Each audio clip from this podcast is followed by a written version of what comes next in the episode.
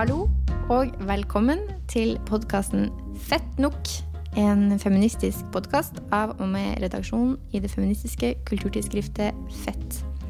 Jeg er ansvarlig redaktør der og heter Hanne Linn Skogvang.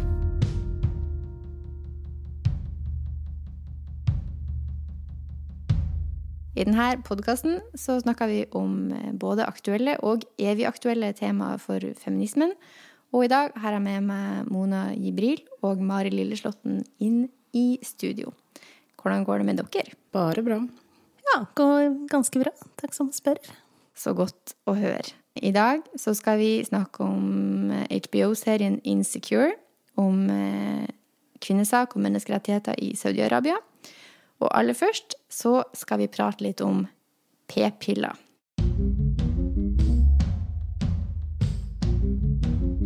Så her i studio i dag så har jeg altså med meg ei bok som heter Pillen av Marte Stubberød Eielsen. Og den kom ut omkring 8. mars på Manifest sitt forlag, eller Manifest forlag. Og det er rett og slett en litt sånn gjennomgang av p-pillas historie, og det tenkte jeg kunne være litt sånn artig å prate om her i podkasten vår i dag, for den er ganske fascinerende. Eielsen, altså forfatteren, mener jo til og med at den er så spennende at det burde vært laga opptil flere Hollywood-filmer om, om, denne p-pilla. Så ja, hva vet dere egentlig om hvordan p-pilla ble til? Jeg vet at du, Mari, har skrevet litt om det tidligere. Ja, jeg har også blitt fascinert av den historien en gang, så jeg har skrevet en nyhetsartikkel om det, da.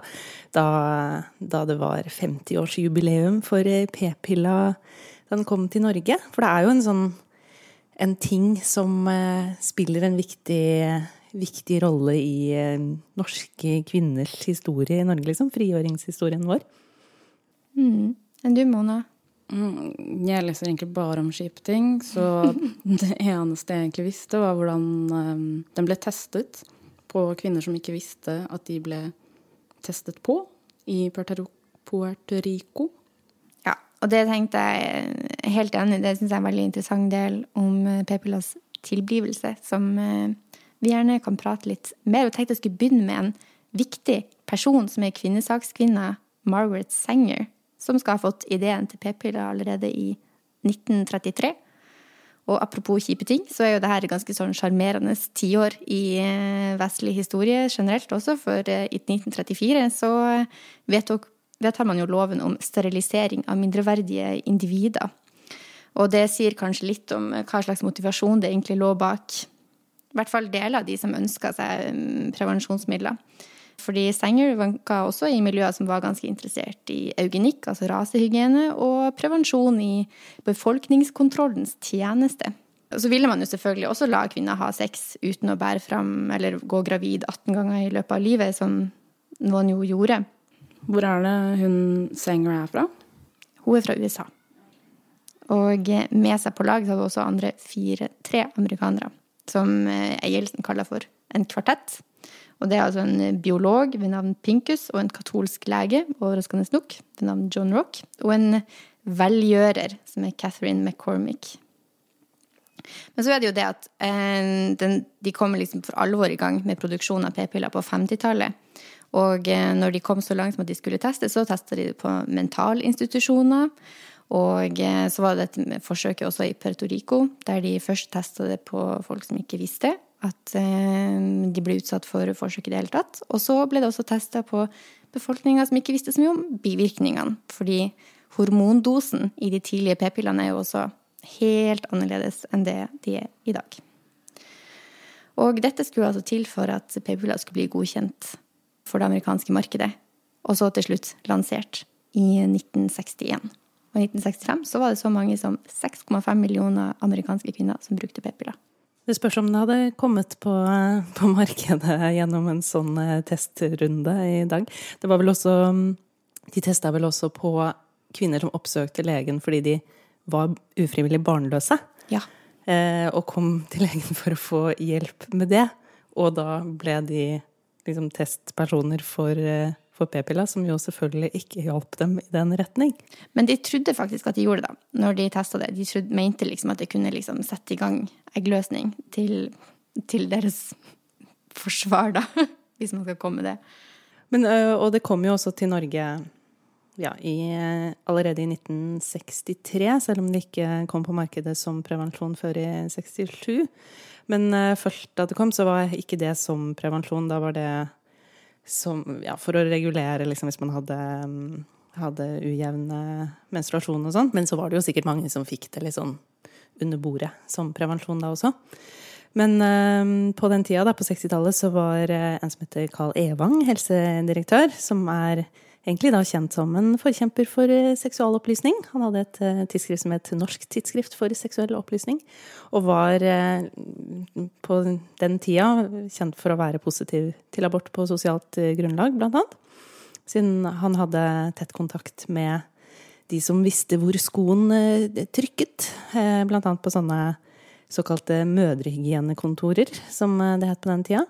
Hvor, mange jo, hvor man kunne se altså, hvordan det gikk eh, etter illegale aborter. Sånn at uh, han var jo kjent for å være liksom positiv til at kvinner kunne styre hvor mange barn de skulle ha, men skeptisk til p-pilla nettopp pga. at det var et veldig svakt faglig grunnlag for å slippe den løs på uh, norske kvinner. Ja, ikke sant. Også i USA så ble det heller ikke markedsført som, som prevensjon, men som menstruasjonsregulering mm. mer. Så, og det var også litt fordi prevensjon ikke var lovlig i mm. alle statene i USA. Men visste de at det fungerte som prevensjon? Ja, det må de vel ha klarert på det tidspunktet. Men det var liksom mer sånn Man satsa på at jungeltelegrafen på en måte skulle formidle For det sto liksom 'bivirkning hindrer eggløsning' på, eh, på, pakka. Litt sånn uh, dog whistling til uh, folk som ikke har lyst til å bli gravide? Ja rett og slett. Mm. Så den ble ganske populær der veldig fort, men i Norge tror jeg det tok litt tid. Ja, og det var også fordi den kom samtidig som Spiralen. Så da kom de på markedet samtidig, og da ble det ikke sånn at alle gikk for p-pilla. Men uh, ut på 80-tallet så begynte det å selge ganske mye, så da ble den veldig populær. Og uh, jeg vet ikke akkurat hva tallet er i dag, men sånn for noen år siden i hvert fall, så var det jo rundt 20% av hos kvinner som brukte p-piller som prevensjon? Det jeg fanget opp først da jeg leste om han Evang, var at han var, altså hans grunn til å være positiv var um, på sosiale grunnlag. Og jeg syns det var litt sånn vagt. Og så leste jeg også at han ga ut en bok, 1934, som heter 'Rasepolitikk og reaksjon', mm. som handlet om rasehygiene og eugenikk. Og samme året som han ga opp ut boka, så kom også steriliseringsloven, eh, som Hanne sa at eh, det mindreverdige kunne tvangssteriliseres, eh, rett og slett. Og da Jeg vet ikke helt hvor hvordan historien husker han, da. Blir det nevnt ofte? Jeg tror han blir huska som en flink helsedirektør aller mest, faktisk. Mm. Ja. Mm. Og litt sånn liberal og framme i skoa, og en eh, alliert for, eh, for kvinners eh, reproduktive rettigheter. Så det er en side ved han som jeg har hørt om, men ikke, det er ikke det som står først. Nei. Mm. Jeg leste i Det var i Kilden jeg leste, mm. og da er tittelen Jeg tror det var um, 'Arbeiderkvinnens uh, allierte', eller et eller annet sånt. Og han var liksom feminist. Men det er morsomt hvordan liksom sånne ting som uh, handler om rasisme, blir ofte bare glemt eller visket ut. Hvis de gjorde i hvert fall én bra ting. Ja, det er helt sant. Den loven også ble jo vedtatt med nesten fullt flertall på Stortinget, med unntak mm. av et parti som ikke lenger fins i dag. Mm. Hvilket parti? Samfunnspartiet, tror jeg det het, hvis jeg husker rett. Det er litt lenge siden jeg leste om det nå. Ja. Men det, det, jeg ikke visste, uh, var at den steriliseringsloven var uh, har gjeldt, eller gjaldt helt frem til 19... Var det 78, eller var det Det er i hvert fall kjempeseint. Jeg tror det var 78. Mm. Ja. Det er helt sjukt. Helt eh, klart. Og det er jo p-piller også sånn etter at den ble godkjent på markedet, så har jo også den hatt sine bivirkninger. Det er masse myter knytta til p-piller også i dag. Og det er jo mange som mener at de får mange Eller syns det er kjedelig mange bivirkninger. Og det som blir spørsmålet da, er jo hvorfor er det vi kvinner som må gå på p-piller eller annen prevensjon. Det er jo, vi er jo litt p-pillegenerasjon, mens yngre bruker kanskje mer sånn langtidsvirkende prevensjon som spiral osv. Men spørsmålet er altså hvor er den mannlige p-pilla? Det lurer jeg veldig på, faktisk. Men den fins vel, men blir ikke tatt i bruk. Det finnes tre muligheter som kan gi håp for den mannlige, mannlige prevensjonen i framtida. Og det ene er at man kan sprøyte en gelé inn i sædlederne, som, eh, så det høres jo litt spennende ut. Så er den andre metoden, som er hormonell, som forhindrer produksjon av sædceller. Jeg blar litt i boka her. Og så er det den tredje, som er at den hindrer sædceller sin svømmedyktighet. Men problemet med disse metodene er på en måte at det er ingen som har tort å satse på de ordentlig for at det liksom kan lanseres på markedet. De skulle jo bare begynt på 50-tallet, så kunne de jo testa og funnet ut akkurat det de trengte. Det er akkurat det de skulle, for da hadde det ikke vært noe problem å få til noen forsøk i det hele tatt. Det jeg syns er rart, er at menn ikke står på mer. Hvor er liksom alle disse mannsaktivistene? Eh, For jeg tenker hvis det hadde vært meg, da. Jeg hadde ikke stolt på at eh, en eller annen dame skulle ta p-pillene sine hver dag. Fordi når du har gjort noen gravid, så har du gjort dem gravide, og da er det ingenting du kan gjøre med det. Og jeg skjønner ikke at folk ikke har en noia. Nei, helt enig. Så det er en oppfordring til våre mannlige lyttere. Still dere opp på barrikadene med det samme. Absolutt. Jeg blir med. Ja, ja vi er med dere. Vi er med i solidaritet.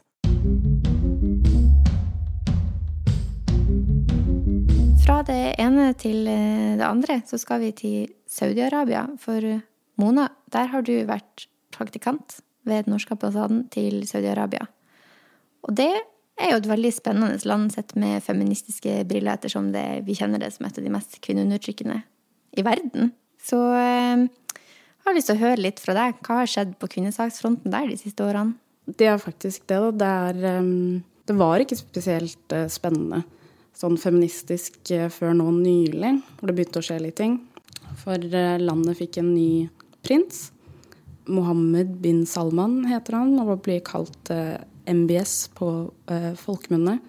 Han skulle da modernisere hele landet, og startet også ganske kjapt med eh, kvinnefrigjøringen. Da begynte det vel med eh, bilkjøring, som kvinnene der hadde kjempet for ganske lenge, siden 90-tallet, men det hadde ikke skjedd noe som helst eh, frem til Eller bilkjøringskampanjen, som det het, da ble veldig kjent eh, rundt 2014, tror jeg. Hvor det var en dame som heter Lujain al-Hatloul, eh, som eh, fikk seg et førerkort i nabolandet. Og så kjørte hun rundt og filmet seg selv, og det gikk viralt på nettet. Men så ble hun selvsagt fengslet og var inn og ut, inn og ut av fengsel ganske lenge. Og etter at han kom til makten, så trodde man jo at dette, ja, nå går det bra, og eh, nå skal de få lov til å slippe ut av fengsel, iallfall. Eh, og det gjorde hun en liten periode. Eh, og så ble hun fengslet på nytt. Og så fikk kvinner lov til å kjøre bil. Rett etter at hun ble fengslet. Og nå sitter hun også i fengsel ennå. Hun har sittet eh, helt sånn i ro i to år nå, faktisk. Shit. Ja. Sånn uten at man har hørt fra henne i det hele tatt. Men hvorfor er hun fortsatt i fengsel, hvis eh, det hun kjempet for, har blitt eh, oppnådd? Det handler litt om at eh, prinsen vil ha all makten sjøl, og han har lyst til å bestemme akkurat når noen skal få de frihetene de skal få, og da er det lettere å bare fengsle de som kunne hatt makt nok til å utfordre ham på slike områder. Mm, ja, jeg tror det er liksom hoved, eh, hovedgreia hans. Og folk blir hele tiden fengslet og anklaget for eh, å driver med terror. Og eh, at de da har koblinger til eh, et annet naboland som heter Qatar, som eh, Saudi-Arabia og en rekke andre arabiske land har eh, hatt en blokade mot, fordi de igjen er en eh, alliert av Iran. Så det handler om store geopolitiske linjer som er litt vanskelig å slippe unna i landene. Kan jeg bare spørre hvorfor, eh, hvorfor skjer disse endringene egentlig? Hva er liksom motivasjonen til eh, bin Salman for å faktisk åpne, løsne litt på situasjonen for kvinner? Mm, jeg ser på det sånn, og sier sånn Jeg er eksperten her. Men eh, For det oss er du eksperten. Ja, heldigvis.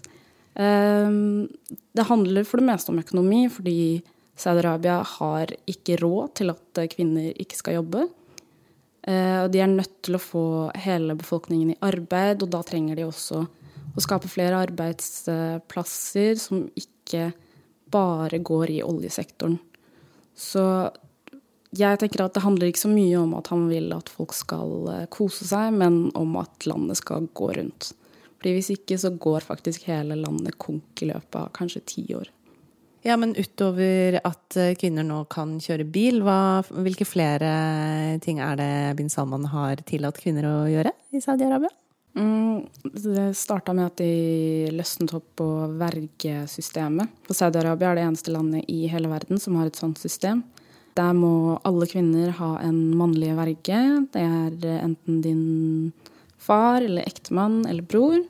Um, og da trenger du tillatelse fra vergen din for å gjøre alt mulig rart. Du, om du skal gifte deg, eller om du skal reise ut av landet, om du skal uh, kjøpe en leilighet uh, og sånne osv. Så Men uh, nå får kvinner lov til å gjøre mye av dette uh, sjøl uten tillatelse. De kan reise ut av landet, de kan bo vekk fra sin ektemann. De kan også registrere sine egne barn på sykehus. Det har skjedd ganske mye på et års tid, bare da. Fordi jeg husker for om lag et år siden så var det fryktelig mye snakk om en app som heter Absher, som eh, der man også på en måte registrerte um, hva man gjorde. Det var et slags substitutt for uh, vergen, sånn som jeg forsto det. Og da, det var for, Grunnen til at det kom så mye opp i vestlige medier, var fordi det var flere kvinner som forsøkte å flykte fra Saudi-Arabia, men så ble de mannlige slektningene, eller vergen, varsla via den appen om at de var på flyplassen. Mm, ja, for den appen var på en måte en forlengelse av en allerede, altså en E-tjeneste eh, som eh, eh, regjeringen har, da. Som når du logger deg inn på Min Helse eh, Norge eh, og kan sjekke hva som skjer der, på en måte, så er det på en måte vergen din da, som kan gi deg tillatelse til å reise, f.eks. Mm. Så disse kvinnene eh, kunne prøve å dra, komme til flyplassen, og så måtte de vise frem appen sin. Og da fikk også mannen, eller vergen, fikk eh, notifikasjon på mobilen sin og, eh, om at eh, hun er der og der, og så kan du bare gå og hente henne. Eh, men det morsomme var at eh, med den samme appen så klarte kvinnen å bruke det til sin egen vinning. For det var noen kvinner som klarte å skaffe passordet til sin far, og så ga de seg selv tillatelse, og så reiste de ut av landet. Og er, jeg tror det er noen av disse kvinnene man også har hørt historiene til. Mm. Hvordan erfares det? Altså hvordan har folk det, og særlig saudiarabiske kvinner det, med de her endringene? Um, jeg tror de fleste er ganske fornøyd med det. Jeg var uh, i en liten by utenfor der jeg bodde, uh, og da kjørte vi med en Uber-sjåfør. Eh, og da spurte jeg han om hva han syntes om hva som skjedde nå i landet. Og han, eh, han var veldig chill og syntes det var sykt, eh, sykt, greit at kvinner kunne kjøre bil, f.eks. For, eksempel, for da slapp han å kjøre henne rundt overalt. Da kunne hun dra på apoteket istedenfor at han måtte liksom gå rundt og være sjåfør hele tiden. jeg tror det gjelder spesifikt arbeiderklassen, fordi den øvre klassen har jo alle sjåfører. Mm. Mm. Um, Men for den vanlige personen så er det kanskje slitsomt å opprettholde et patriarkat, kanskje. Det, det høres litt sånn ut. Mye Veldig arbeid. slitsomt uh, å være mann i patriarkatet også. Rett og slett. Mm. Men er det eh, fordi når jeg ser for meg Saudi-Arabia, så ser jeg for meg sånn heldekkende abayaer og, og, nettopp det der at det er veldig segregert. Er det Ja, kan man, eh, kan man begynne å kle av seg litt, eller hvordan eh, ser det ut? Eh, da, da, jeg kom dit, så trengte ikke jeg å gå med noe spesielt, egentlig. Jeg ble fortalt at jeg måtte gå med litt løsere klær. Men det har forandret seg veldig mye bare på ett år. For hun som var praktikant før oss, sa at hun bare merket det sjøl. At det var flere og flere som gikk med som ikke gikk med sjal, f.eks. Og jeg kunne se at liksom, noen tenåringsjenter hadde bare henslengt over hodet. Uh, og det syns jeg var veldig veldig overraskende, faktisk. Um, og for vestlige kvinner generelt uh, så Eh, er ingenting påbudt. Um, men sånne ting sitter jo så langt inne i kulturen, så de fleste går jo med abaya. Eh, og går også med nikab som dekker hele ansiktet utenom eh, øynene. Men det er iallfall ikke ulovlig lenger. Nei. Det er jo veldig fint. å høre at det løsner litt eh, opp. Blir også litt sånn nysgjerrig på hva som skjer. Du nevnte jo at en aktivist fortsatt var fengsla til tross for disse mm, oppmykningene. Men eh, hva med andre sånn kvinnesaksaktivister? Mm, problemet er jo at uh, alle enten er fengsla, eller så kan de på en måte ikke si noe uten at de også blir fengsla, eller familien blir fengsla. Så man hører jo om aktivister i utlandet men mange av disse eh, skriver jo bare om sine søstre som er fengsla. Så det er ikke så mye sånn Vi får ikke høre så mye om hva de har lyst til skal skje, utenom at eh, de skal slutte å torturere dem, liksom. Ja, Så det er ikke bare en ren solskinnshistorie, det er en del som gjenstår på menneskerettighetsfronten, sånn som jeg forstår det? Nesten alt, vil jeg si. Ja, ikke sant. Men Saudi-Arabia er jo også en veldig viktig eksportleverandør for Norge, så tenker jeg som spørsmålet kommer liksom tilbake til oss. Hva, hva kan vi gjøre, liksom? Mm, vi kan f.eks. slutte å handle med Saudi-Arabia. Eh, for eh, altså Vi selger jo veldig mye fisk, men det gjør vi i hele verden. Men vi selger også eh, militært utstyr. Og da sier liksom regjeringen at det er forskjell på A og B-materiell. Mm. Eh, hvor A er liksom raketter og sånn, ser jeg for meg, mens eh, B-materiell er eh, ting som Det du bruker direkte, til å frakte raketten ja, dit den skal? Ikke direkte krigsutstyr, men mm. det er militært utstyr. Um, vi kan starte der, tenker jeg. Sånn for Norge så tror jeg ikke vi klarer å forandre Saudi-Arabia alene, men man kan Ja, Norge kan gå foran som et godt eksempel. For eh, man trenger litt større aktører for å kunne forandre eh, Saudi-Arabia.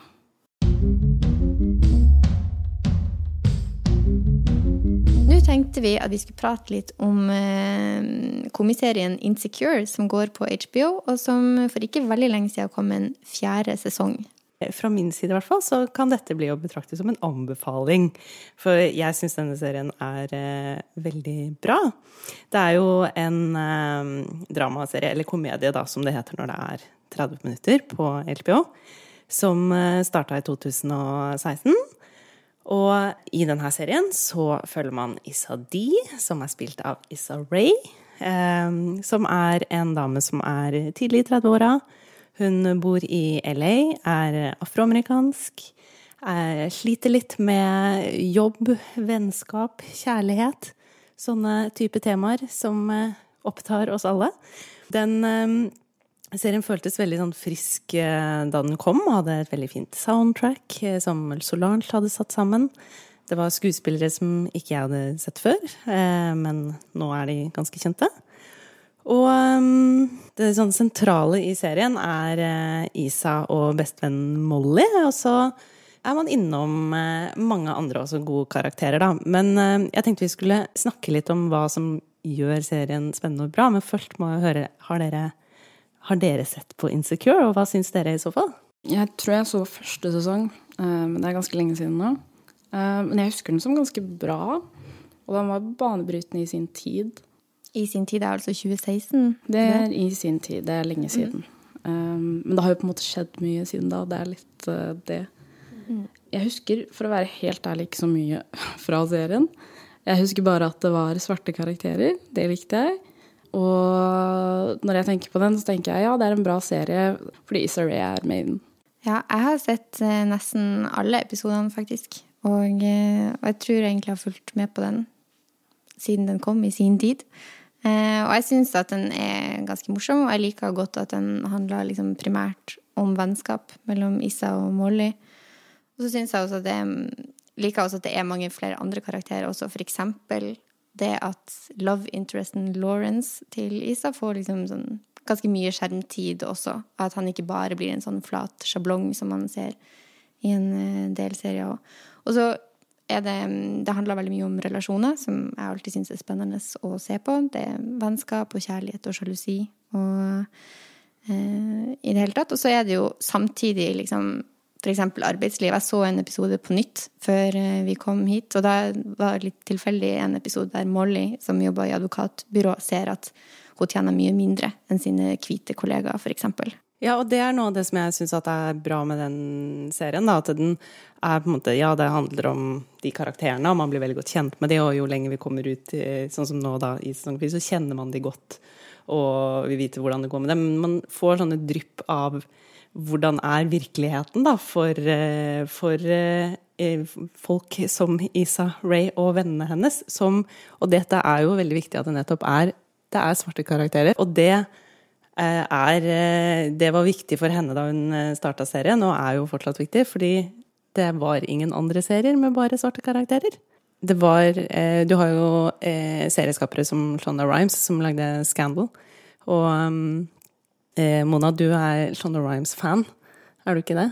Det er litt voldsomt å si. Men jeg har sett på veldig mange av TV-seriene hennes, mm. så Uh, fordi hun er bak uh, Grace Anatomy og Scandal og uh, Hva het den siste? How to Get Away with Murder. Um, og ja, altså Hun var jo, hun var jo en foregangsperson hvor hun hadde ganske bredt med folk fra Med ulike bakgrunn. Og det på de, den tiden var i alle fall veldig nytt. Virkelig i sin tid. Ja, og her snakka vi jo sånn 2000-tallet et mm. sted. Det var i hvert fall da Grace Anatomy traff TV-skjermen mm. uh, i huset som jeg bodde i da. Mm. mm. Men ja, hun var litt med på å liksom skape karakterer som var svarte, eller som var uh, asiatiske, men det var på en måte ikke derfor de var der. De var, uh, de var den de var. Mm. Det var ganske fint å se på. Ja, og det er det som er prosjektet med Insecure også, da. Den blir jo veldig sånn markedsført som at det er en, dette er en sånn svart serie. Og, og Issa Rae er jo opptatt av uh, Hun er jo kjent for uh, sitatet 'I'm rooting for everybody black'. Hun vil liksom få frem de svarte stemmene og fjesene på skjermen fordi det mangler. Men selve serien er jo ikke sånn Det føles jo ikke som man ser på en, en serie med bare en viss type mennesker. Jeg lurer på om vi bare har kommet litt lenger i mm. hvordan vi ser på ting. Fordi jeg, tror kanskje for ti år siden så hadde det vært en svart serie. Mm. Og da var det jo ofte sånn at liksom, det er bare svarte folk som ser på det.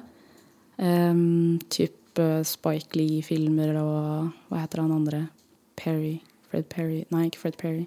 Jeg er så dårlig på den navnet. Mm. Tyler Perry. Mm. Um, mens nå så føler jeg at liksom um, uh, svarte og brune skribenter på en måte når ut til flere mennesker, og ikke bare svarte og brune seere. Ja, jeg er i hvert fall hvit og blir nådd. Men, um, men du kaller jo ikke sant 2016 litt sånn eh, den tiden, eller liksom det er en stund siden. Og det er jo litt interessant med hva, hva har skjedd eh, siden da, og det har jeg også tenkt på med sånn Er det, er det, eh, er det en feministisk serie? Er det liksom eh, i hvert fall i så fall på hva slags måte er det det? Jeg syns alltid det er litt sånn vanskelig å si sånn dette er en feministisk serie, og mm. det, dette er ikke en feministisk serie. Det føles på en måte litt som å sette i boks mm. på en måte, som jeg syns er litt trist, fordi det er jo bare en hederskategori, mm. sånn som jeg vil uh, se det. Men jeg syns jo i hvert fall at det finnes flere elementer her av ting som er liksom radikalt og skarpt, og som vil noe. Mm. Eh, og det syns jeg Samtidig som det er mye humor og ganske morsomt, og det er liksom mye som handler mest om relasjoner, men så har du den serien som på en måte går i bakgrunnen i hver eneste sesong av eh, som, Det er en sånn såpeopera om slaveri, for eksempel. Eller i den siste sesongen så er det dette med 'Looking, for, for Latoya'. Ja. Mm.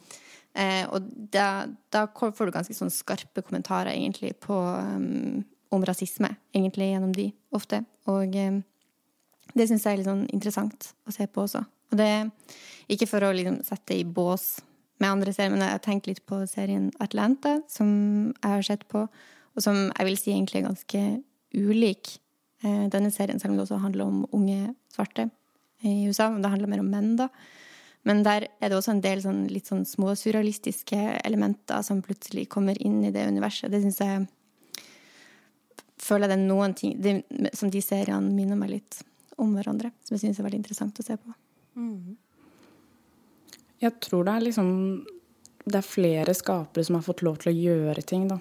Jeg tror eh, eh, Som jeg sa tidligere, så fikk man lov til å lage én type film, mens nå kan du lage en rar serie og være minoritet, mens det kanskje ikke var åpent for det tidligere. Mm. At du trenger liksom ikke representere alle som ligner på deg, fordi du er den som får eh, skjermtid, liksom. Mm. Og så har det jo kommet masse serier som på en måte tematiserer på ulike måter. sånne ting. Og så nevnte jo eksempel Atlanta, som er skapt av Donald Glover. Og, men så har du jo også en rekke andre som også handler litt om det. Og da blir kanskje presset litt mindre også på representasjon. Det syns jeg er så fint og viktig at skjer. Det er det, vet du, hvis du er den eneste filmen som kommer ut som er laget av en svart mann, så er det jo litt stress. Da skal du ta hele Du skal for the culture hele veien, liksom hele året. Det er stress.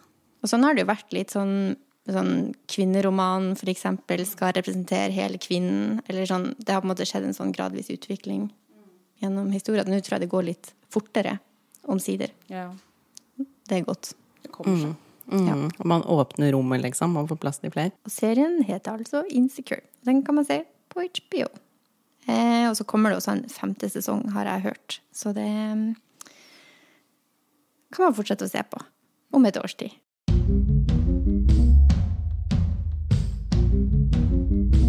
Du har nettopp hørt podkasten Fett nok, og eh, sånn her høres tre feminister.